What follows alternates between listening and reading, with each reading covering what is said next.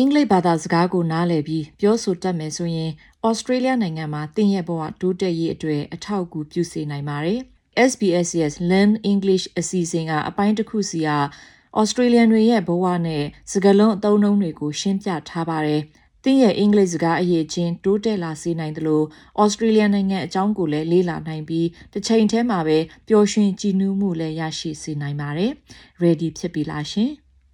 အပိုင်းခဏမှာတော့ကိုရေးကိုတာဆိုင်ရာနဲ့စီးပွားရေးလုပ်ငန်းဆိုင်ရာမှာငွေကြေးမလုံလောက်မှုအကြောင်းဘယ်လိုပြောဆိုနိုင်သလဲပြီးတော့ငွေရေးကြေးရေးအခက်အခဲရှိတဲ့အခါမိမိဘာသာစကားနဲ့ဘယ်နေရာမှာကိုရေးကိုတာအချက်လက်တွေအတွက်စိတ်ချရပြီးအခမဲ့တိုင်းပင်ဆွေးနွေးပံ့ပိုးမှုရနိုင်တယ်လဲဆိုတာတွေကိုပါလေ့လာနိုင်ပါတယ်ရှင်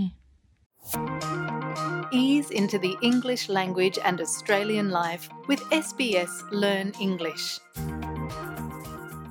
Hello, this is the SBS Learn English podcast, where we help Australians to speak, understand, and connect. My name is Josipa, and like you, I'm learning the English language. Today, we are learning phrases that can help when we have to turn down an invitation for financial reasons. Before we start, let me remind you that we have learning notes quizzes, and transcripts on our website, so you can keep learning after listening.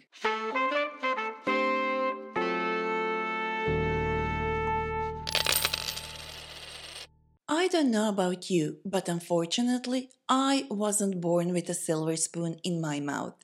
Being born with a silver spoon in your mouth is an expression we use to say being born to a rich family and having everything money can buy. So, since I wasn't born with a silver spoon in my mouth, there have been situations when I was saving up for something special and couldn't afford to do all the fun things my friends were doing. And I had to explain to them that I couldn't go with them because I didn't have enough money. That can be so embarrassing. But luckily, the English language has lots of different phrases that can help us say that we don't have money in a slightly less embarrassing way.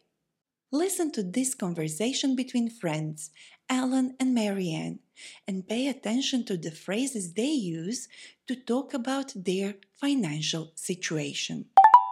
Are you going to Simon's fancy dinner? Yeah, I don't know. I've just paid for my parents' overseas tickets, so I'm low on funds. And Simon's get together seems a bit over the top.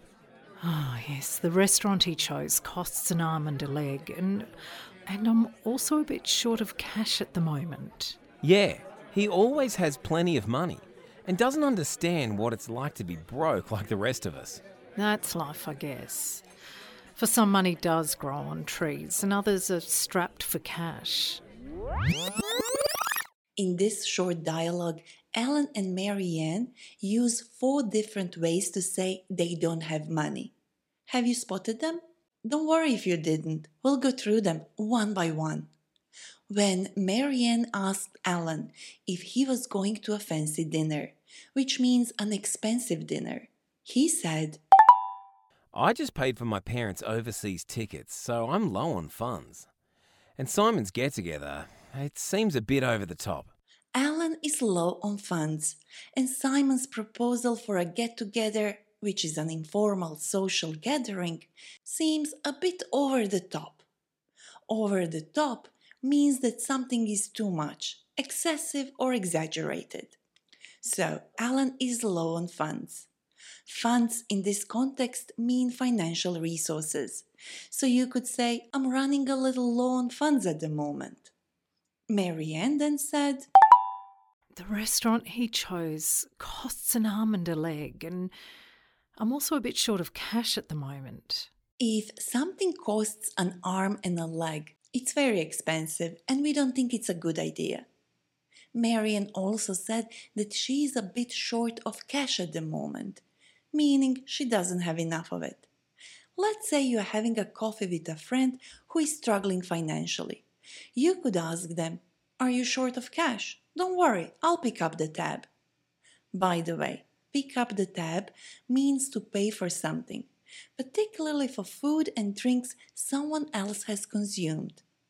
At the end of the conversation between Marianne and Alan, we've heard very informal expressions to describe how much money people have. Let's hear them once again. He always has plenty of money and doesn't understand what it's like to be broke like the rest of us. That's life, I guess. For some, money does grow on trees, and others are strapped for cash. Broke and strapped for cash. You can use either of these expressions to say that you have no money left. So you could say, she's flat broke until she starts a new job. Or he's got a new car and now he's strapped for cash. Oh, and if you haven't heard the expression that something grows on trees, it means it exists in large amounts. We often use it to say that we don't have a lot of something. For example, when kids ask for new things all the time and don't seem to understand how hard it is to earn money, you hear people say, Money doesn't grow on trees, you know. So, the four expressions we've heard so far that mean not having much money are I'm low on funds, I'm short of cash, I'm broke, and I'm strapped for cash. Now, let's imagine that Alan and Marianne are not friends and that their relationship is a bit more formal. For example, Marianne is now Mrs. Marshall and she is Alan's boss. What expressions will they use this time? Morning, Alan. Morning, Ms. Marshall. Mm, You're looking very smart today. Are you going to Simon's promotion lunch? Yeah, nah. I've decided I'd better not go. I've just paid for my parents' overseas tickets, so I'm feeling the pinch at the moment. That's a pity. Yes, it's likely to be a little pricey for people on a budget. Not sure my bank account will cope with it either. That's life, I guess. I'm sure the next time I won't be in the red and can come along. See what I mean? We got a completely new set of phrases because in this dialogue, the relationship between Alan and Marianne is professional, not personal. Let's start with Alan. He said, Uh, I'm feeling the pinch at the moment. If you feel the pinch, you are experiencing problems caused by not having enough money. For example, I'm starting to feel the pinch of the rise in electricity costs. Marianne then said, It is likely to be a little pricey for people on a budget. I'm not sure my bank account will cope with it either. I'm not sure my bank account will cope with it. You could also say, My finances are tight, or I'm on a tight budget.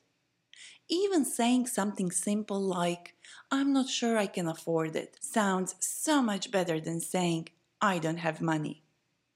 At the end of the conversation, Alan said he's in the red.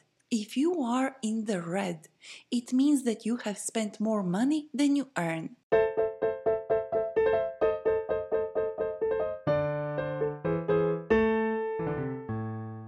Okay, how about we have a little break before we revisit all expressions used in this episode? Today, as our guest, I invited a man who knows a lot about money. His name is Ricardo Gonzalez. Hi, Ricardo. Thanks for taking time off your busy schedule. It's my pleasure, Josipa. As SBS's finance editor, you are, among other things, the voice and mind behind the podcast called On the Money. What kind of information do you provide to your listeners? Well, the SBS On the Money podcast is a daily 10 minute business and finance news wrap where we speak with CEOs, share market analysts, economists, and consumer finance experts about everything that impacts your money. Sounds very informative. In our podcast today, we'll learn different ways of saying that we can't afford to go somewhere or do something special. But some people can have more serious money trouble, like having difficulty paying bills or repayments on their loans. What should people say to talk about more serious situations like these, and who should they talk to? Well, if someone finds themselves in debt and is struggling to pay their bills or regular payments, they should seek what we call financial hardship assistance. So, when you're talking with your financial institution or your bank about this kind of situation, use the more formal expression, I'm in financial hardship, because then people understand that this is a serious situation and this starts a different kind of conversation around what capacity you have to pay. And where can people seek financial hardship assistance? Well, in Australia, we have the National Debt Helpline, which provides free, confidential financial and legal advice to help people negotiate repayment options and improve their financial situation. You can look them up online to find information and financial counsellors to speak to. And if English is not your first language and you have difficulties understanding, you can have help from free interpreting services provided by the Department of Home Affairs. That's great to know. Thank you, Ricardo. No, thank you for having me. But I do have one question for you, Josipa, before I go. Tell me, Do you know what mates rates are? mates rates. Well, I know that a mate is a friend, so mates rates could be, I don't know, a special price for friends? That's exactly right. Mates rates are the lower prices given only to friends and family. It's a phrase every Australian knows about. Awesome, thanks for adding one more phrase to this episode. We have plenty to go through. See if you can remember the meaning of these words before hearing the answer. Being born with a silver spoon in your mouth means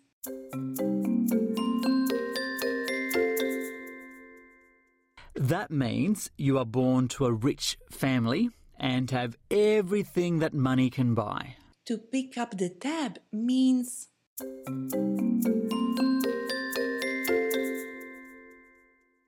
Okay, that means to pay for something, especially something someone else has used or bought. if something costs an arm and a leg, it means that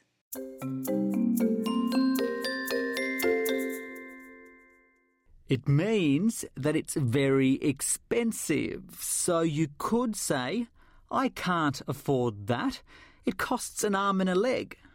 We heard different ways to talk about lack of money with friends and family. I'm low on funds. I'm a bit short on cash at the moment. I'm broke. I'm strapped for cash at the moment. I can't afford it. We also learned different phrases for professional relationships. I'm feeling the pinch at the moment. I'm not sure my bank account will cope with it. My finances are tight. I'm on a tight budget. I'm in the red. Now the only thing left for you to do is to head to sbs.com.au slash learnenglish and test your knowledge with our quiz. There you can also find additional learning notes and transcripts. And if you would like to get in touch with us, send us an email learnenglish at sbs.com.au. Thank you for listening. Learning English can change your life. Subscribe so you don't miss an episode and visit our website for learning notes and transcripts.